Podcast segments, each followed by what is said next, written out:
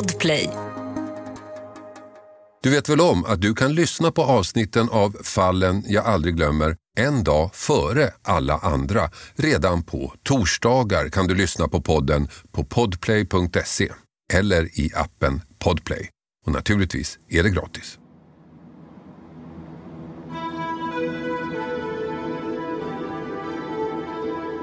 Han ligger i en eldstad och sen så har han en, den här gamla, gammaldags bergsprängaren över huvudet. Fastvundet eh, runt halsen på kroppen. Då. Det är makabert. Det är märkliga bilder kan man säga. Det är man ju van att se ganska mycket i den här världen men det där var speciellt. Om du döms till livstid för det här, då ska jag ta över och ta hämnd. Och sen slogs jag av att det var otroligt mycket våld. Vi fick ju en bild av en människa som förvandlades till en fullblodig rättshaverist. Nu är man ju ändå van som polis, men det är ju långt ifrån alltid att man blir hotad på det där sättet. Fallen jag aldrig glömmer. Podden som inte handlar om förövarna, som inte handlar om brottsoffer, utan som handlar om de som gjorde sitt jobb och löste brotten. Punkens fotspår.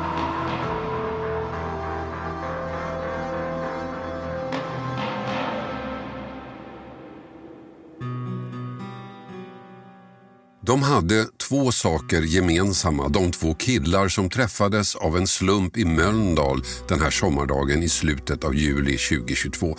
Eller killar och killar, män kanske är en mer korrekt benämning. En av dem var 38, den andra 10 år äldre. De två gemensamma nämnarna var att båda hade samma förnamn, Mattias, och båda var ett fan av en omstridd amerikansk punkare. Två små detaljer till synes harmlösa, men det räckte för att en av dem skulle dö. Den tunna gemenskapen som detaljerna skapade ledde till att den äldre Mattias blev mördad av den andra Mattias. Men det skulle visa sig att en tredje person hade en avgörande del i händelsen. En person som vid den här tiden varit död i nästan 30 år. Den amerikanska punkaren Gigi Allin. Det låter märkligt och det är det. Hela fallet är ett av de märkligaste jag har hört talas om. Kanske inte gärningen i sig, men det som hände efteråt. För mordutredarna började det med ett telefonsamtal den 28 juli. En kvinna ringer polisen.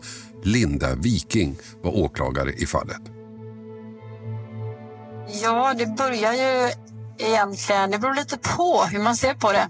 Det kommer in samtal på eftermiddagen om att man har påträffat en, eh, en kropp i det här området då, i Lackarbäck. Ja, när det började beror alltså lite på hur man ser det, som Linda Viking uttrycker det. Vi återkommer till det. Men kvinnan i telefonen har alltså hittat en kropp i parken. Det här är en skogs... En liten dunge kan man säga. Där folk ofta går med hunden. Och då är det personer som har passerat förbi där eh, vid femtiden ungefär.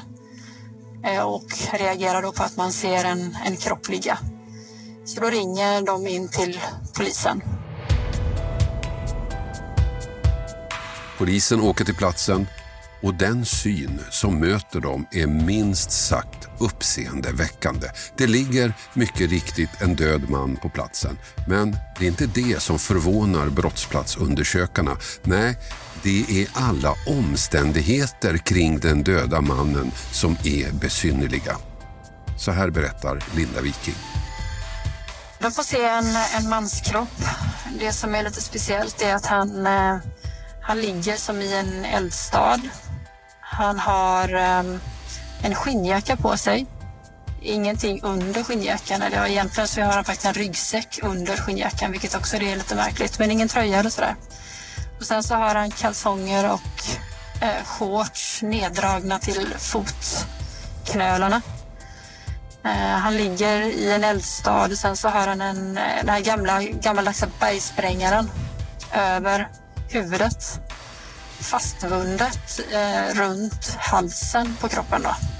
Så att det ser väldigt speciellt ut när de kommer till platsen. Det är inte riktigt det som man är van vid. Vad drar man för slutsatser av det? Det är ju mer att, att det är någonting annat utöver det vanliga. Det är inte, ehm, det är inte de här gängmorden som vi har sett den sista tiden. Och det är, utan det är någonting annat. Det är det första man tänker. Mm. Att det här spelar, det är någonting annat som har utspelats här helt enkelt. Det såg arrangerat ut, det uppfattar man nästan med en gång. Ja, mordplatsen verkar alltså arrangerad. Efter att mannen på marken dödats har mördaren ägnat sig åt att fixa till hela stället som om det skulle innehålla något slags meddelande. Kroppen ligger på marken, den är klädd i en skinnjacka. Under den en ryggsäck. Den döde mannens shorts och kalsonger är neddragna till fotknölarna. Underkroppen är alltså naken. Ovanpå honom ligger en blodig gammal kassettbandspelare, en så kallad bergsprängare. Men det tar inte slut där. Bredvid honom ligger en t-shirt som delats i två delar, framsidan och baksidan. Han har en påse knuten kring handleden, en påse med ölburk, snusdosa, lotion och tobak. Kroppen tycks ha blivit bränd. Det finns aska i ansiktet och runt omkring på marken ligger spelkort utslängda. Och så hittar utredarna en liten detalj som där och då inte verkar ha någon betydelse men som senare visar sig spela en ganska stor roll. Det är en pin, en nål med G.G. Allen på, alltså den amerikanske punkaren.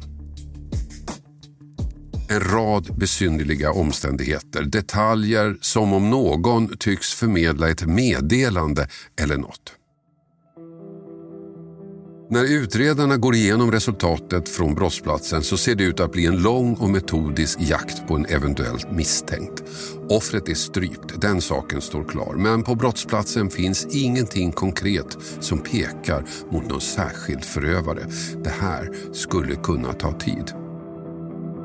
Men det gör det inte. För det visar sig att under dagen har det hänt en hel del konstiga saker. Människor har ringt in om en märklig person som uppträtt konstigt och bitvis hotfullt. Och alla samtalen handlar om samma man. En man som omhändertas inte mindre än tre gånger samma dag men som släpps igen varje gång. Och ett av samtalen som rings in kommer från en man som är orolig för sin kompis. Tidigare på dagen vid lunchtid så har det ringt in en person. Eh, och han ringer egentligen in för att han är mån om en vän. En vän som har varit hos honom ett par dagar på besök. Och som han tycker eh, spårar ut. Det är en person som har varit lite speciell genom åren men han tycker att han spårar ut under de här dagarna. Han sover ingenting eh, och han beter sig udda. Och sen så i det här läget när han ringer till polis då vill han helt enkelt att polis ska hjälpa honom och få honom från lägenheten. Han orkar inte med honom mer och han ringer egentligen för att han är mån om den här vännen. Mitt i samtalet så eh, börjar han till och med gråta för att han är orolig för sin kamrat. Och sen så säger han i en bisats att eh, han säger att han har dödat någon. Och han säger att det ska vara i närheten av polisstationen i Mölndal den personen som han har dödat har samma förnamn. Och han säger också att han har strypt honom. Och då, då gråter den här inringaren samtidigt för han säger att ni måste ta hand om min vän för han, han måste vara sjuk. Och eh, polisen frågar honom, eller operatören frågar om han eh, tror att han menar allvar och det säger att han vet faktiskt inte. Han tror inte det eller han hoppas inte det. Kompisen är alltså orolig för sin väns mentala status. Han behöver hjälp. Och en polispatrull åker till lägenheten och tar med sig vännen, kör bort honom från platsen. Vid den här tiden är det ju ingen som vet något om kroppen i parken. Och den polispatrullen går sedan av sitt skift. Men sedan av en slump så är den polisen i kontakt med någon annan polis senare under kvällen. Och får då veta att man har påträffat en kropp precis då i det området som inringaren pratade om. Och när man sen får ID på den här personen så framkommer också att han mycket riktigt har samma förnamn som den personen som man har eh, fått ifrån den här lägenheten tidigare på dagen. Alltså att offret och förövaren då hade samma förnamn? Ja, och det framkommer senare också att han faktiskt är strypt till döds. Så det är flera omständigheter som stämmer överens med det samtalet. Då.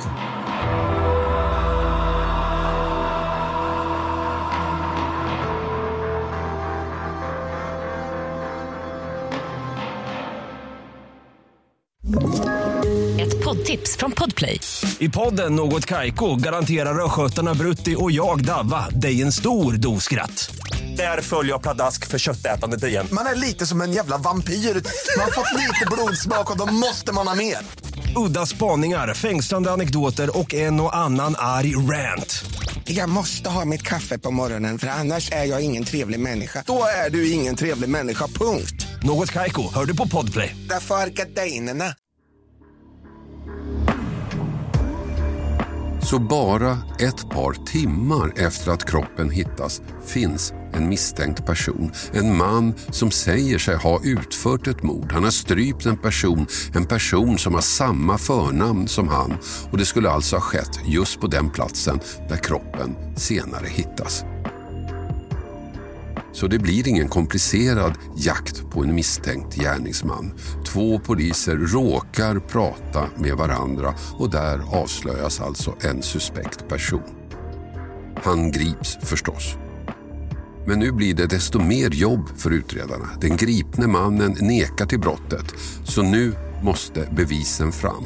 Och det blir övervakningskameror som får en mycket viktig del i spaningarna och granskningen. Ja, det är ju så som vi brukar jobba. Att vi, eh, när någon då blir misstänkt och när det sånt här händer så börjar man ju kartlägga vad som har hänt under dagen. Och har man då en, en misstänkt person så börjar vi se vad han har gjort under dagen och vad vi kan hitta de olika personerna. Och då plockas det in kamera och film från så många ställen som vi kan. Det visar sig att utredarna blir framgångsrika. Det finns en hel del filmer att titta på. Filmer som visar att de båda männen har träffats, att de umgåtts vid tiden för mordet och att de har gått tillsammans till mordplatsen och plötsligt så är det bara den misstänkte som går tillbaka och som filmas på övervakningskamerorna. Men sen så börjar man kartlägga eh, den här dagen och då ganska snart så, så ser vi att målsäganden och den här personen som nu är dömd då möts inne, på en, eller inne i en galleria i Mölndal. Och att vi ser att de sitter och pratar med varandra. Och senare i utredningen så framgår också att man byter nummer och att de möts upp. Och sen så ser vi också, eller vi hittar övervakningsfilm där vi ser att båda två går tillsammans mot den här platsen. Och sedan så har vi film, samma kamera där vi ser att eh, gärningsmannen då lämnar platsen och då går han ensam och det är senare på natten. Den misstänkte mannen nekar först till alltihopa men efter att han förstått hur många övervakningsbilder som finns så ändrar han sin berättelse. Ja, lite grann. Först förnekar han brott helt och hållet, förstår inte alls vad man syftar på. I nästa förhör sen så eh, medger han att han har träffat den här personen och att de har suttit tillsammans på den här platsen. Men att han lämnar och då lever målsägaren. Och den historien vidhåller han? Ja. På filmerna ser utredarna hur de två männen, de två Mattias, träffar varandra av en slump på gallerian i Mölndal. De känner inte varandra men börjar prata. De slår sig ner på en bänk och fortsätter sitt snack. Efter ett tag syns hur de byter telefonnummer och skiljs åt. Och senare samma kväll vid halv tio-tiden syns båda när de fångas upp av en annan övervakningskamera tillsammans på väg mot den plats där mordet inträffar. Tre timmar senare filmar kameran när en av dem, den misstänkte, ensam går bort från platsen. Den andra är inte med. för han är död. De träffas alltså av en slump. De börjar prata, de stämmer träff. Vad är det då som gör att de överhuvudtaget börjar snacka? Vad är det då som gör att de vill träffas igen? Jo, en sak. Gigi Allin, den amerikanske punkaren. Båda Mattias är nämligen ett fan av honom. Den ena har till och med en Gigi Allin-pin på sig. Den andra ser det, så de börjar prata. Vem var då denna Gigi Allin? Gigi Allin var en minst sagt kontroversiell punkare i Amerika på 80-talet. Under sina konserter smetar han in sig i bajs, han skär sig med glasflaskor, han slåss med publiken, han grips flera gånger för misshandel och olämpligt beteende. Själv säger han sig vilja göra rocken farlig igen. Och han återkommer ofta till att hans ultimata show, höjdpunkten på alla hans framträdanden, blir när han tar sitt eget liv på scenen. Hans uppväxt var svår. Hans pappa var dominant och misshandlade ofta sin son, en son som egentligen hette Jesus Christ Allen, ett namn pappan valt. Och Gigi Allen var besatt av döden och att ta sitt eget liv. Så här sa han i en intervju. Every day when I'm on stage, it's my therapy. It's not a performance, it's a ritual. And the ultimate performance would be when I have reached my peak, and I'm not there yet. So don't you all clap when I say this. I'll commit suicide, but I'll take your kids with me. What does that mean? You'll take you, take our it kids means with what you? you. Whatever I just said, I'll take them with me. Well, what's it mean? Doesn't means make I'll any kill sense. them too if I have to, or they may kill themselves. When you reach your peak, it's time to die.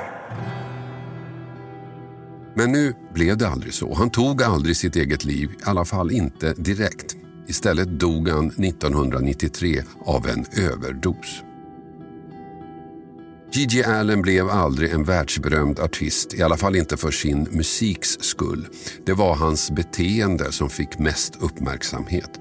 Men han hade en hängiven skara beundrare och däribland den här historiens två Mattias. Och den nu gripna, misstänkta Mattias återkommer i förhören hela tiden till Gigi Allen. Gigi Allen nämns av den misstänkte i något av det andra förhöret som han eh, börjar prata om honom. Det är så att både målsägaren och misstänkt är intresserade av Gigi Allen kan man väl säga. Målsägaren hade sin mustasch klippt som honom eh, och det här är nog en av anledningarna till att de börjar prata. En annan anledning till att de börjar prata är att eh, målsägaren har en tröja på sig med eh, Charles Manson. Och våra misstänkta är också ganska intresserade av olika seriemördare. Så det är en anledning till att de börjar prata. Men just att Jejali nämns för oss, det, det är den misstänkte själv som tar upp det i ett förhör. Att det var ett gemensamt intresse mellan de här två. Då.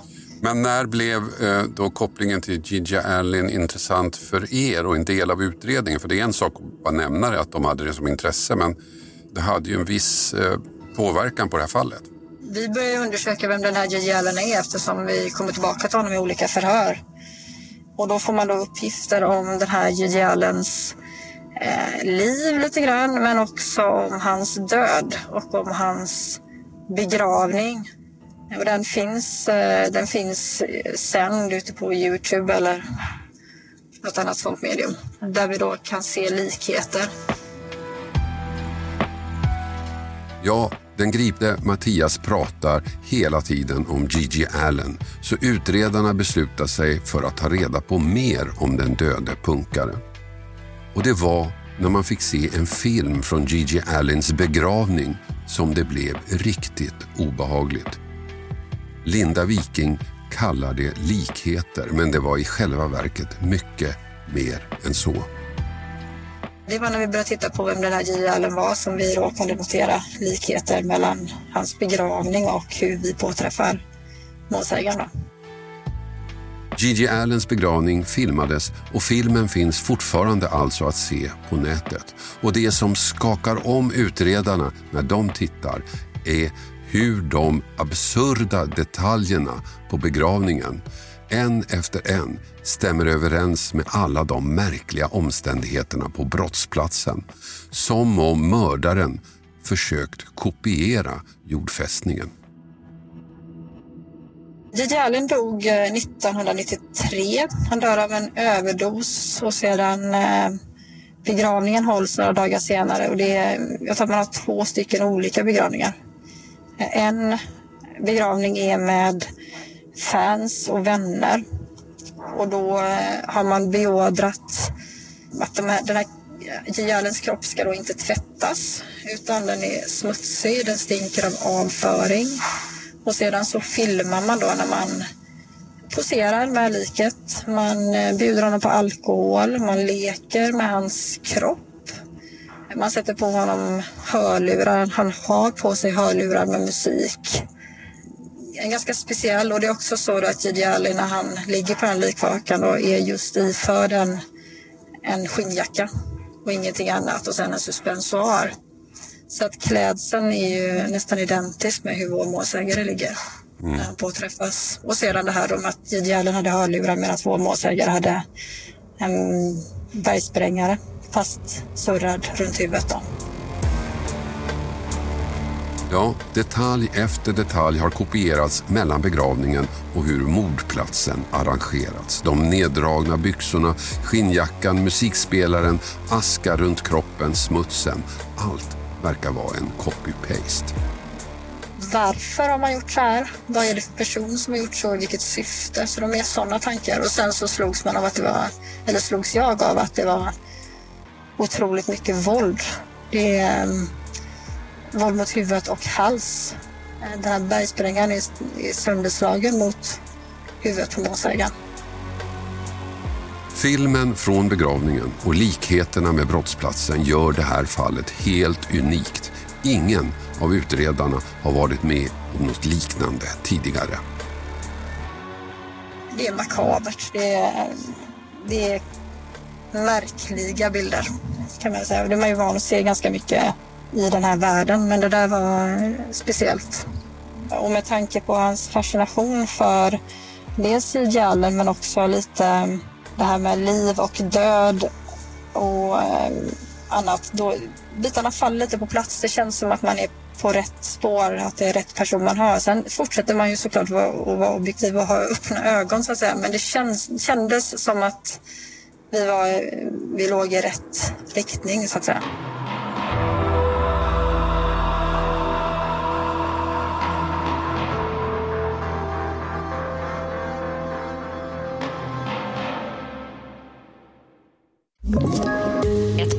Från Podplay. I podden Något Kaiko garanterar östgötarna Brutti och jag, Davva, dig en stor dos skratt. Där följer jag pladask för köttätandet igen. Man är lite som en jävla vampyr. Man har fått lite blodsmak och då måste man ha mer. Udda spaningar, fängslande anekdoter och en och annan arg rant. Jag måste ha mitt kaffe på morgonen för annars är jag ingen trevlig människa. Då är du ingen trevlig människa, punkt. Något Kaiko, hör du på Podplay. Därför är Det utredarna upptäckt var knappast en slump. Två personer, båda fans till Gigi Allen träffas, en av dem mördas och brottsplatsen arrangeras på ett sätt för att likna punkarens begravning. Att någon annan skulle ha utfört det här verkar knappast troligt. Likheterna pekade obönhörligen mot den misstänkte Mattias. Som ledtråd i den fortsatta utredningen var det viktigt, men som bevis räcker det inte. Att bara lägga fram de här omständigheterna i en rättegång hade inte varit tillräckligt. Utredningen behövde mer konkreta detaljer. Den första frågan, förstås.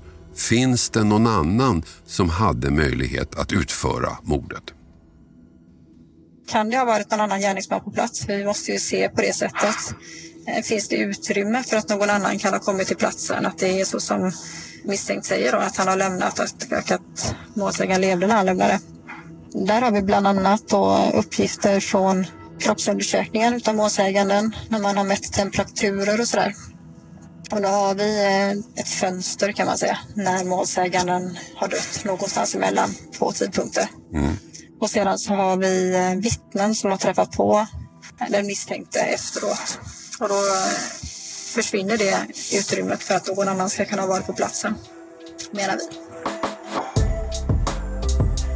I tio månader höll man på, en lång tid där detalj efter detalj samlades in. Och en viktig omständighet var det som den misstänkte mördaren själv sagt till olika personer. Att han nästan skrytit om vad han gjort. Vi har vittnen som har träffat honom när han är på väg från platsen och sen är det också det här att han både till de vittnena men sen också under utredningen när han befinner sig på, inom vård under en kort period pratar om, om att han har dödat någon. Och det är då till flera olika personer. Dels till de här personerna han träffar när han lämnar brottsplatsen. Eh, att han då har sagt det till sin kompis som uppger de här uppgifterna i larmsamtalet. Han har sagt det till läkare som han träffas under en period när han är inlagd under häktningstiden. Och till de här läkarna så säger han då att han, att han är en kreativ person och att han har begått ett kreativt mord. Och att han hade kommit undan med det här mordet om inte hans kompis hade tjallat dem. Ja, flera personer kunde alltså vittna om att den misstänkte erkänt gärningen för dem, något som han naturligtvis förnekade i förhören. När det gäller det här vittnet, det första vittnet som han eh, träffar, då lägger han en historia om att han eh, pratar om den här greven, ni vet det här mordet, satanistmordet som var i, i Norge. Att det är det han pratar om ihop med någon. Så att han lägger olika historier. Han säger angående någon annan person han har berättat det för att eh, den personen pratade om att eh, någon hade begått självmord och att han anknyter till det. Så att han försöker liksom lägga de uppgifterna att det är inte riktigt så han har sagt och att han har sagt så på grund av att andra människor har fört in samtalet på ett visst sätt. Då. Men han medger inte att han, att han ska ha liksom sagt att han har dödat någon. Den misstänkte mördaren Mattias hade träffat offret, han var på platsen när mordet skedde, han hade erkänt för flera personer, han kände till detaljer från brottsplatsen, han var en Gigi Allen-fan. Nätet runt honom började dras åt. Men det räckte inte med allt detta. Det fanns mer. DNA. Och sedan så hittar vi blod från målsäganden på ett klädesplagg som den tilltalade då hade på sig sen. En liten droppe blod, så inte så mycket, men lite grann. På misstänkte Mattias kläder fanns alltså en liten fläck blod. Blod från offret. En avgörande sak kan man tycka, men den fick inte särskilt stor betydelse trots allt. Egentligen inte så mycket Eh, här. De säger att de har varit tillsammans. Visst, sen är det ju konstigt att det finns en bloddroppe. Att det inte finns mer blod är ju någonting som man kan ifrågasätta. Eh, men det är också så att det finns en bäck i närheten och gärningsmannen har inte jättemycket kläder på sig. Utan han har ganska korta shorts, han har ett linne på sig. Så att eh, om det har funnits mer blod men att han har tvättat av sig, det, så skulle det kunna vara. Mm. Eh, Bloddroppen har han ju förklaring att, att målsägaren vid något läge blöder näsblod. Efter mer än tio månaders utredning tycker Linda Viking att hon har bevis så det räcker. Så i början av sommaren väcker hon åtal mot den misstänkte, åtal för mord. Och i början av augusti kommer domen. Mattias är skyldig. Det är han som mördat sin namne, en person han precis träffat. Det är han som arrangerat brottsplatsen. Det är han som drivits av sin besatthet av Gigi Allen. Skyldig. Men han slipper fängelse. Rätten dömer honom till rättspsykiatrisk vård, en dom som Linda Viking inte är nöjd med. Det finns en diagnos på honom och det är inte en diagnos att han är psykotisk eller sådär. Och sedan så pratar man om eh, vårdbehovet. Och så som jag förstår vårdbehovet så handlar det om att det finns ett, ett behov av att han tar medicin, att han har en strukturerad tillvaro, att han inte använder sig av andra droger. Och jag tycker att den vården som man föreslår, det, det låter som en vård som man borde kunna få inom vanlig kriminalvård. Mm. För det finns ju då eh, synnerliga skäl till att döma till fängelse istället för vård beroende på olika omständigheter. Då. Det kan ju vara om det är ett högt straffvärde. Och här säger ju tingsrätten att det här hade gett en livstidsfängelse om, om man har dömt fängelse. Eh, och det kan också vara då man på något sätt själv har vållat där och eh, den här personen han använder sig av droger. Och sedan så pratar man då också till exempel om att vårdbehovet kanske inte är så starkt eller så stort att man behöver ha vård inom ramen för ett psykiatrisk sjukvård. Då. Så att min uppfattning är att den vården som krävs utifrån den diagnosen som man har borde han kunna få på anstalt där det är strukturerad miljö. Linda Viking har överklagat domen och begär att Mattias ska dömas till fängelse. Hans advokat har också överklagat och vill ha honom helt frikänd. Så målet kommer att komma upp i hovrätten. Men oavsett resultatet så finns det en fråga vi förmodligen aldrig får svar på. Varför var mordplatsen stagead? Varför ägnade mördaren så mycket tid till att arrangera allt så att det skulle påminna om Gigi Allens begravning? Var det själva syftet med mordet? Var det därför den andra Mattias skulle dö? Pratar vi om ett motiv här, om en planerad gärning? Eller var det stundens ingivelse efter att mordet skett? Det kan ju bara eh, den här personen svara på. Det vi vet är ju att eh, gärningsmannen är kvar på platsen i över en timme efter att man då säger att, alltså det här fönstret då, att han avlidit mellan två olika klockslag, det är ett antal timmar som vi har utefter kroppstemperatur på målsägaren. Men sista tiden då för när det här skulle vara, efter det så eh, vet vi att gärningsmannen är kvar på platsen i drygt timme eller mer än så. Mm. Och då, då uppträdde ju den här tanken vad som har hänt på platsen. Nej, något svar får vi nog aldrig. Men en sak kan vi kanske förutsätta. Punkaren Gigi Allin hade förmodligen blivit imponerad.